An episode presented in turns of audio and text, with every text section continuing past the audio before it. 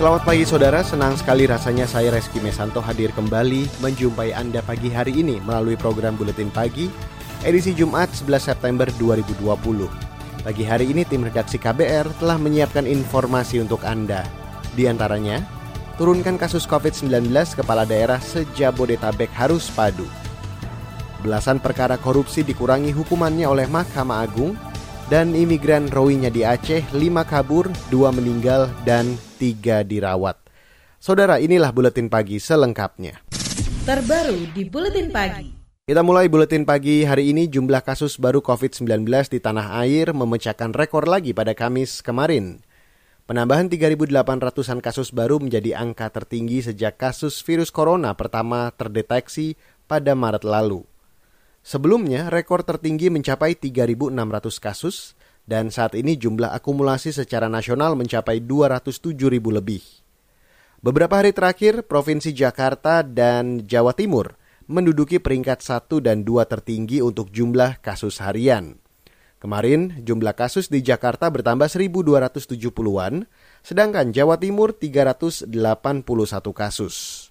Kondisi tersebut membuat Gubernur Anies Baswedan harus kembali menerapkan pembatasan sosial berskala besar atau PSBB total mulai Senin pekan depan. Pemprov Jawa Timur tidak demikian. Mereka memilih mewajibkan pendatang melakukan tes swab COVID-19 mulai pekan depan.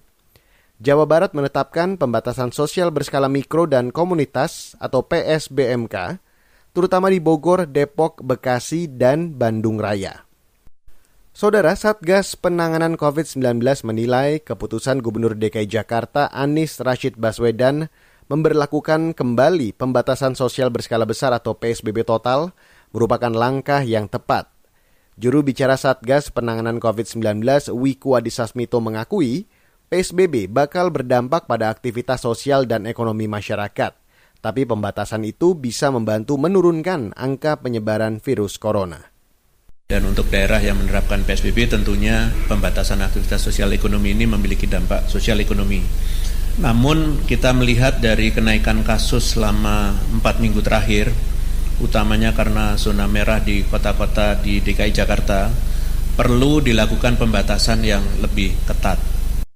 Saudara Satgas Penanganan COVID-19 menilai keputusan Gubernur DKI Jakarta Anies Rashid Baswedan memberlakukan kembali pembatasan sosial berskala besar atau PSBB total merupakan langkah yang tepat. Juru bicara Satgas Penanganan COVID-19 Wiku Adisasmito mengakui PSBB bakal berdampak pada aktivitas sosial dan ekonomi masyarakat.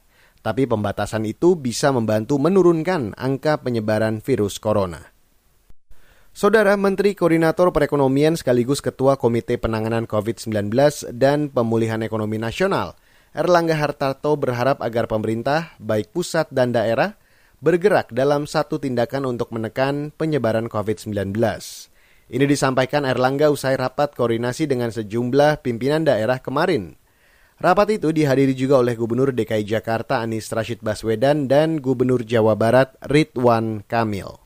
Kita melihat bahwa eh, pemerintah pusat dan pemerintah daerah dalam penanganan COVID-19 dan ekonomi kita bergerak dalam satu bahasa dan satu tindakan menyeimbangkan dan juga mengkoordinasi hal-hal yang menjadi uh, masukan-masukan ataupun concern-concern yang ada. Menko Perekonomian Erlangga Hartarto menyatakan mobilisasi serta kegiatan-kegiatan produktif tetap bisa dilaksanakan dengan mematuhi protokol kesehatan COVID-19 yang ketat. Pemerintah juga akan menggelar operasi justisia yang melibatkan TNI, Polri untuk meningkatkan disiplin masyarakat, termasuk di lingkungan perkantoran, kelurahan, dan desa. Saudara epidemiolog menilai 11 sektor usaha yang dikecualikan dalam pembatasan sosial berskala besar atau PSBB total di DKI Jakarta masih terlalu banyak. Kepala Bidang Pengembangan Profesi Perhimpunan Ahli Epidemiologi Indonesia atau PAEI, Mas Dalina Pane menyarankan mengurangi jumlah pelonggaran itu menjadi dua saja, yaitu sektor kesehatan dan pelayanan dasar seperti listrik, energi, dan teknologi informasi. Seperti misalnya hotel. Hotel boleh dibuka untuk menampung tenaga kesehatan yang eh, apa namanya melakukan perawatan COVID. Mungkin boleh, tetapi hotel secara umum menurut saya sebaiknya tidak. Kepala Bidang Pengembangan Profesi Perhimpunan Ahli Epidemiologi Indonesia, Mas Dalina Pane juga mengingatkan Pemprov DKI Jakarta untuk mampu meyakinkan warganya terkait kecukupan bahan pangan dan kestabilan harga bahan pokok selama pemberlakuan PSBB total. Saudara Direktur Eksekutif Komite Pemantauan Pelaksanaan Otonomi Daerah atau KPPOD Robert Endi Jaweng menilai Penerapan kembali PSBB total di DKI Jakarta membutuhkan komitmen tegas bukan hanya dari Pemprov DKI Jakarta saja, tapi juga Jawa Barat dan Banten. Robert menegaskan penerapan PSBB akan gagal kalau daerah penyangga di sekitar ibu kota tidak melakukan kebijakan yang sama. Poinnya adalah bahwa pengendalian pandemi itulah prasyarat bagi pemulihan ekonomi, bukan sebaliknya. Apalagi kemudian dijalankan secara bareng nggak bisa gitu. Itu itu dulu. Kalau nggak ada kesepakatan itu susah karena Jakarta katakanlah PSB total. Tapi dari daerah lain sekitar dari timur terutama ya Bekasi, kota Kabupaten Bekasi, kemudian dari Depok ya, e, kemudian juga mungkin dari Tangerang dan sebagainya, itu terus mengalir ya sama aja. Direktur Eksekutif Komite Pemantauan Pelaksanaan Otonomi Daerah Robert Endi Jaweng berpandangan, penanganan COVID-19 tidak bisa berbarengan atau mendahulukan pemulihan ekonomi. Ia berharap satu bulan penerapan PSBB total di Jakarta ini, pemerintah pusat dan daerah penyangga bisa fokus menangani pandemi. Jika tidak, kebijakan itu hanya sia-sia dan justru merugikan masyarakat. Kita beralih ke mancanegara, saudara. Dua tentara Myanmar, Myo Win Tun dan Zhao Naing Tun, pergi dari kesatuannya dan membelot ke Bangladesh. Saat ini, dengan bantuan lembaga hak asasi manusia, Fortify Rights, keduanya sudah meninggalkan Bangladesh menuju lokasi yang lebih aman. Selasa lalu, keduanya membeberkan pengakuan publik pertama kali terkait pelanggaran HAM yang dilakukan militer Myanmar – Antara lain perintah enam komandan senior mereka yang mewajibkan menembak mati semua yang dilihat dan didengar saat berhadapan dengan Muslim Rohingya. Badan-badan PBB dan organisasi HAM terus mendokumentasikan kekejaman militer Myanmar terhadap Muslim Rohingya. Tahun lalu, pengadilan internasional setuju menuntaskan kasus dengan tuduhan Myanmar melakukan genosida Muslim Rohingya.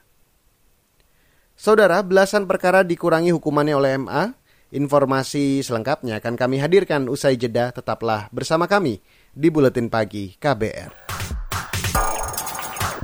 You're listening to KBR Pride, podcast for curious mind. Enjoy!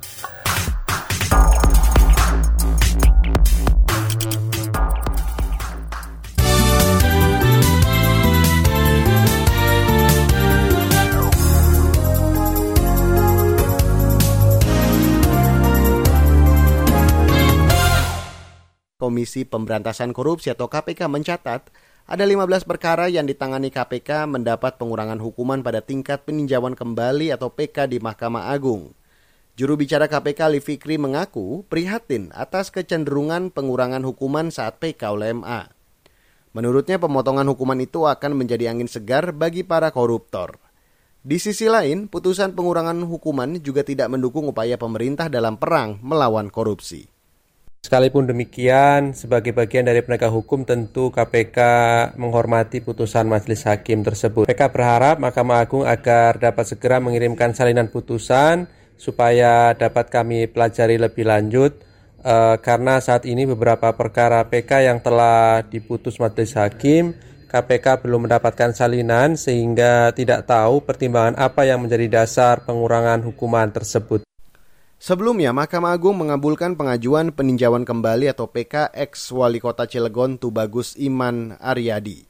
Fonis Tubagus disunat MA dari 6 tahun penjara menjadi 4 tahun penjara. Saudara, rencana pembangunan ibu kota negara baru di Kalimantan Timur ditunda. Menurut Kementerian Perencanaan Pembangunan Nasional atau PPN Bapenas, penundaan dilakukan karena pemerintah saat ini tengah fokus menangani COVID-19. Meski ada penundaan, Deputi Pengembangan Regional Bapenas Rudi Prawiradinata menyatakan persiapan rencana induk pemindahan ibu kota tetap berjalan.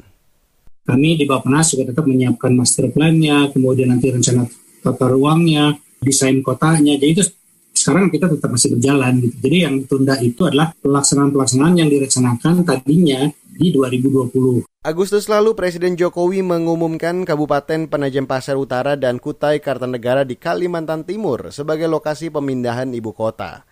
Untuk melancarkan mega proyek, pemerintah menganggarkan dana 2 triliun rupiah yang tersebar di beberapa kementerian dalam APBN 2020. Namun anggaran ini direlokasi untuk penanggulangan COVID-19 dan pemulihan ekonomi nasional.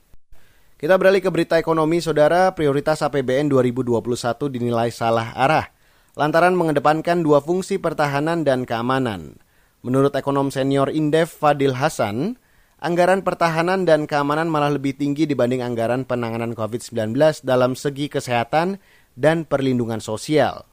Tercatat fungsi pertahanan dalam era PBN 2021 memiliki porsi terbesar mencapai 137 triliun atau naik 16 persen dibandingkan tahun ini. Anggaran RAPBN 2021 itu mari masih memiliki prioritas yang salah arah. Eh, kenaikan dua fungsi pertahanan dan ketertiban keamanan tersebut belumlah tepat gitu loh. Uh, karena kondisi kita ini uh, masih belum menunjukkan uh, bahwa COVID itu akan beredar tahun 2021. Gitu. Jadi seharusnya ini anggaran itu lebih banyak dialokasikan uh, untuk uh, penanganan COVID-19 ini dibandingkan dengan fungsi pertahanan dan ketertiban itu. Fadil mengatakan tim ekonomi pemerintah terkesan mengabaikan fakta bahwa melandainya kurva COVID-19 di Indonesia belum terjadi hingga September ini. Ia menyarankan agar pemerintah fokus memberikan prioritas kepada sektor kesehatan dan insentif pajak yang besar. Selain itu, kata Fadil, dunia usaha juga membutuhkan relaksasi kebijakan fiskal untuk mempercepat pemulihan pasca pandemi virus corona yang berdampak khususnya pada pelaku UMKM. Sementara itu Kementerian Koperasi dan Usaha Kecil Menengah atau Kemenkop UKM menggelontorkan pinjaman lunak bergulir untuk operasi di daerah dengan nilai 5 miliar hingga 50 miliar rupiah. Staf khusus Menteri Bidang Hukum, Pengawasan, Koperasi dan Pembiayaan Kementerian Koperasi dan UKM Agus Santoso mengatakan, dana tersebut digulirkan melalui Badan Layanan Publik atau BLU berbentuk program Lembaga Pengelola Dana Bergulir atau LPDB bahwa Kementerian Koperasi ada BLU atau Badan Layanan Umum yang namanya Lembaga Dana Bergulir LPDB memberikan pinjaman lunak dengan bunga 3% setahun untuk koperasi yang sehat, koperasi yang katanya punya SHU. Kalau untuk koperasi yang sudah satu tahun, sudah RAT, punya laporan keuangan audited satu tahun, maka bisa mendapatkan dana bergulir sebesar maksimum 5 miliar. Staf khusus di Kementerian Koperasi dan UKM Agus Santoso juga mengungkapkan, LPDB merupakan komitmen pemerintah mendorong koperasi agar bisa berperan fundamental untuk Indonesia. Terlebih kini Indonesia dan dunia tengah terdampak COVID-19. Sebab itu koperasi juga didorong bergerak di bidang produksi.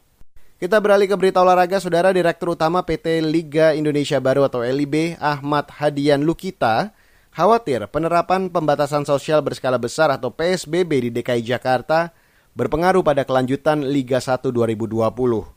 Dikutip dari CNN, menurut Hadian Lukita, dampak PSBB ketat DKI Jakarta akan berdampak pada Bayangkara FC yang memilih berkandang di Stadion PT IKA Jakarta dalam lanjutan Liga 1 2020 yang dimulai pada 1 Oktober mendatang. Sementara itu Chief Operating Officer atau COO Bayangkara FC Sumarji tak mempersoalkan kebijakan PSBB ketat DKI Jakarta. Selain itu, Sumarji juga belum bisa memastikan perizinan bagi The Guardian untuk bisa bermarkas di Jakarta.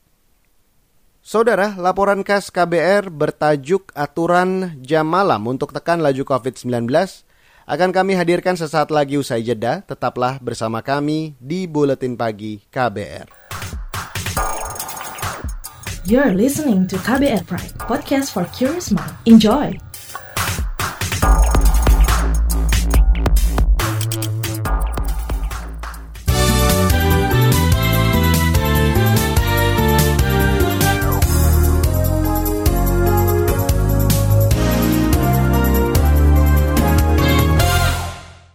Sejumlah daerah memperlakukan kebijakan jam malam usai lonjakan kasus baru COVID-19. Di antaranya Depok dan Bogor, Jawa Barat, serta kota Balikpapan, Kalimantan Timur. Namun aturan ini menuai protes dari sebagian pelaku usaha karena mematikan sumber penghasilan. Simak laporan tim KBR yang akan dibacakan Valda Kustarini. Usaha kafe di Depok, Jawa Barat makin terseok-seok dengan pemberlakuan jam malam sejak akhir Agustus lalu. Aktivitas bisnis dibatasi sampai pukul 6 sore saja. Andri Bagus, pemilik kedai kopi di Depok, terpaksa mengubah jam operasional kafenya. Dulu, ia dan seorang karyawannya biasa bekerja mulai pukul 4 sore hingga 11 malam. Namun, kini mereka mesti buka lebih awal agar bisnis tetap berjalan. Tadinya kan kita bukanya sore hingga malam. Karena jam malam ini jadi bukanya siang sampai sore. Biasanya dari jam 4 sore hingga jam 11. Semenjak ada jamnya malam kita mulai buka jam 12 siang hingga jam 6 sore untuk pemesanan di tempat. Kalau untuk take away sampai jam 8. Aturan jam malam jelas mempengaruhi pemasukan. Cafe Andri kini makin sepi pengunjung karena biasanya pelanggan lebih suka datang dari sore hingga malam hari. Alhasil, pendapatan Andri turun tajam dibilang ngerugin yang ngerugin banget sih mbak. Apalagi ini kedai kopi kan terus kan lebih aktif tuh di malam hari daripada di siang hari kan. Mungkin jam kosongnya tuh di malam hari untuk bersantai dan kumpul sama teman. Omset menurunnya sih 90% sih mbak. Malah pernah kan kita udah dari minggu kemarin yang dari hari Selasa udah mulai coba ya mulai buka siang. Itu pernah nggak ada omset sama sekali malah Beragam cara ditempuh Andri untuk tetap bertahan di tengah pandemi yang tak kunjung berakhir, mulai dari bermitra dengan aplikasi pengantar makanan hingga menyebar diskon bagi pelanggan. Namun, jika kondisi tak kunjung membaik, Andri berencana untuk menutup sementara usahanya. Kalau kita sih udah pemesan online sih udah ada di GoFood, terus pemesan by WA juga buat nggak jadi kita nggak nggak ada GoFood ngantar juga ke kita tetangga yang mau order kita nganterin juga. Tapi kalau misalkan emang sepi terus, mungkin kita untuk sampai jam malam ini di berlaku kita tutup sementara sih mbak. Meski sudah diberlakukan, masih ada sebagian tempat usaha yang buka lebih dari jam 8 malam. Salah satunya warung makan di Sukma Jaya Depok. Putri, sang pemilik, mengaku tak mengetahui tentang aturan itu. Apalagi banyak tempat usaha lain di sekitar warungnya yang juga masih buka seperti biasa. Cuman kalau ngikutin peraturan jam malamnya belum, masih kadang masih jam 8, jam 9 gitu. Tapi emang udah nggak ada orang sih jam segitu. Alasannya ya karena ngelihat sebelah-sebelah juga belum ngikutin. Jadi ya kita masih sama gitu. Terus belum ada kayaknya peraturan langsung gitu belum ada. Menurut Putri, warung makannya sudah kembali buka secara penuh sejak pelonggaran PSBB di kota Depok. Namun, belum banyak pembeli yang datang, apalagi makan di tempat. Mayoritas memilih memesan lewat daring atau dibawa pulang. Omset per hari warung Putri paling banter hanya 50% dari kondisi normal kemarin sempat setengahnya aja Mbak, cuman pas sudah PSBB kan kita ngikut yang sebelah-sebelah juga nih. Udah pada normal, kita ikut normal juga gitu sih. Paling rata-rata sekarang dibungkus sama online banyak itu aja. Aturan jam malam pastinya bakal bikin Putri tambah merugi. Namun, tak banyak yang bisa diperbuatnya selain mengikuti keputusan pemerintah.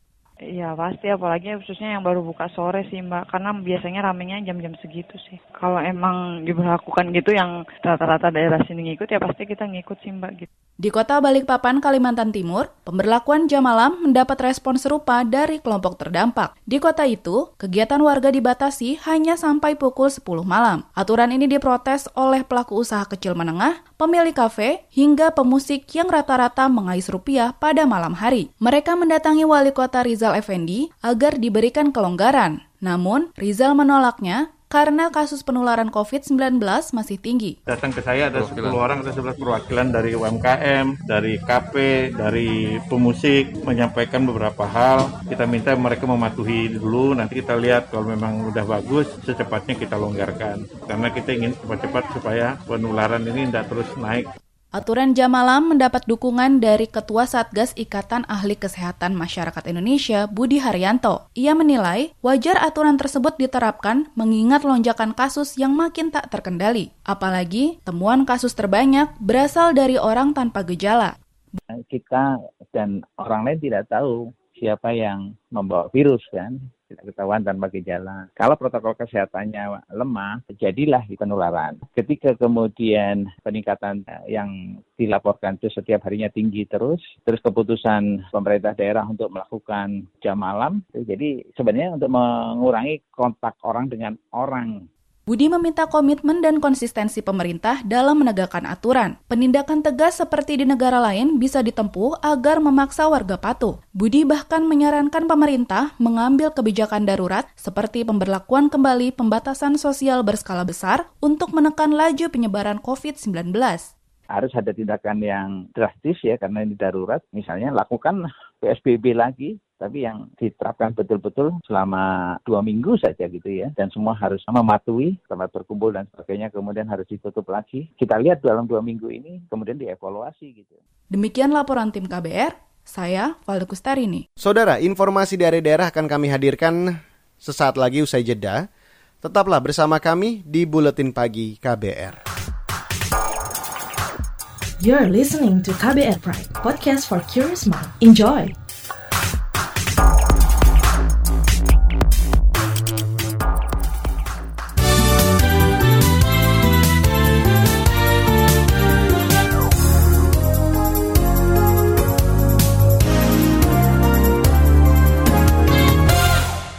Dan inilah bagian akhir Buletin Pagi KBR. Tim gabungan Polda Aceh dan Polres Lok Sumawe masih terus mencari keberadaan lima imigran Rohingya yang kabur dari lokasi pengungsian. Kepala Polisi Resor atau Kapolres Lok Sumawe, Eko Hartanto menegaskan, polisi juga sudah mengambil keterangan dari sejumlah saksi di lokasi pengungsian. Saya minta tolong kepada masyarakat yang menemukan ya saudara-saudara kita yang uh, berkeinginan untuk kabur dari uh, penampungan pengungsi, saya minta tolong diinformasikan kepada petugas Polsek ataupun Koramil terdekat untuk kita lakukan evakuasi kembali. Kapolres Lok Sumawe Eko Hartanto mengimbau masyarakat yang mengetahui keberadaan pengungsi Rohingya yang kabur untuk segera melapor ke pihak berwajib. Sementara itu dari 290-an imigran Rohingya gelombang kedua yang tiba di Aceh awal bulan kemarin, dua di antaranya meninggal karena dehidrasi dan sakit bawaan. Selain itu, saat ini masih ada tiga imigran yang dirawat intensif di RSUD Cut Mutia. Kita ke Mataram, saudara, sebanyak 18 kepala keluarga dari total 35 kepala keluarga pengungsi Ahmadiyah di asrama Transito Majeluk Mataram, Nusa Tenggara Barat menerima program Keluarga Harapan atau PKH dari pemerintah. Namun belum semua pengungsi terdaftar. Menurut Kepala Bidang Perlindungan dan Jaminan Sosial NTB Sulaiman Jamsuri, mereka yang belum memperoleh kepesertaan PKH harus melengkapi persyaratan administratifnya lebih dulu termasuk PKH adaptif yang karena ada situasi begitu loh uh, bantuan bencana termasuk bencana sosial lah itu kan dan mereka uh, di sudah lama di transito sehingga Kemensos atau kita usahakan untuk bisa masuk di PKH. Selama di asrama Transito, Majeluk, Kota Mataram, ada juga lima kakak pengungsi Ahmadiyah di bekas gedung RSUD Praya, Lombok Tengah, dan delapan kakak di gedung EBLK Lombok Timur. Kelompok pengungsi Ahmadiyah di kedua tempat ini belum menerima kepesertaan program Keluarga Harapan. Dan informasi terakhir di buletin pagi hari ini, Wali Kota Surabaya, Jawa Timur, Tri Risma hari ini mewajibkan tes swab COVID-19 bagi para pendatang yang masuk kota pahlawan mulai pekan depan. Langkah itu diambil untuk mencegah penularan virus corona. Kita kembali seperti dulu, jadi untuk uh, warga yang baru datang mereka harus lakukan apa. Jadi sekarang kita sudah bisa lakukan swab rutin, uh, uh, apa namanya rapid juga swab rutin di beberapa tempat. Jadi nanti kita arahkan untuk para tamu itu terutama yang akan menginap harus uh, Wali Kota Surabaya Tri Risma hari ini berharap masyarakat tetap menjaga jarak, menggunakan masker dan menghindari kerumunan terutama saat berada di tempat umum. Risma mendorong aparat penegak hukum proaktif menertibkan warga yang melanggar protokol kesehatan. Dan hingga kemarin jumlah kasus positif virus corona di Surabaya lebih dari 12.000 orang. Pasien yang masih dirawat 1.300-an orang dan pasien sembuh lebih dari 10.000 orang. Saudara, informasi tadi menutup jumpa kita pagi hari ini di Buletin Pagi 11 September 2020. Anda juga bisa memantau informasi terbaru setiap jamnya di Kabar Baru melalui website kbr.id, Twitter kami at berita KBR, serta Anda juga bisa mendapatkan informasi melalui news on demand kami di podcast kami kbrprime.id. Akhirnya, saya Reski Mesanto mewakili tim redaksi yang bertugas undur diri. Salam.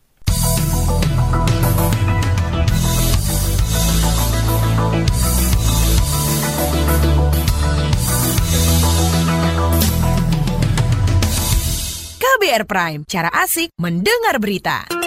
KBR Prime, podcast for curious mind.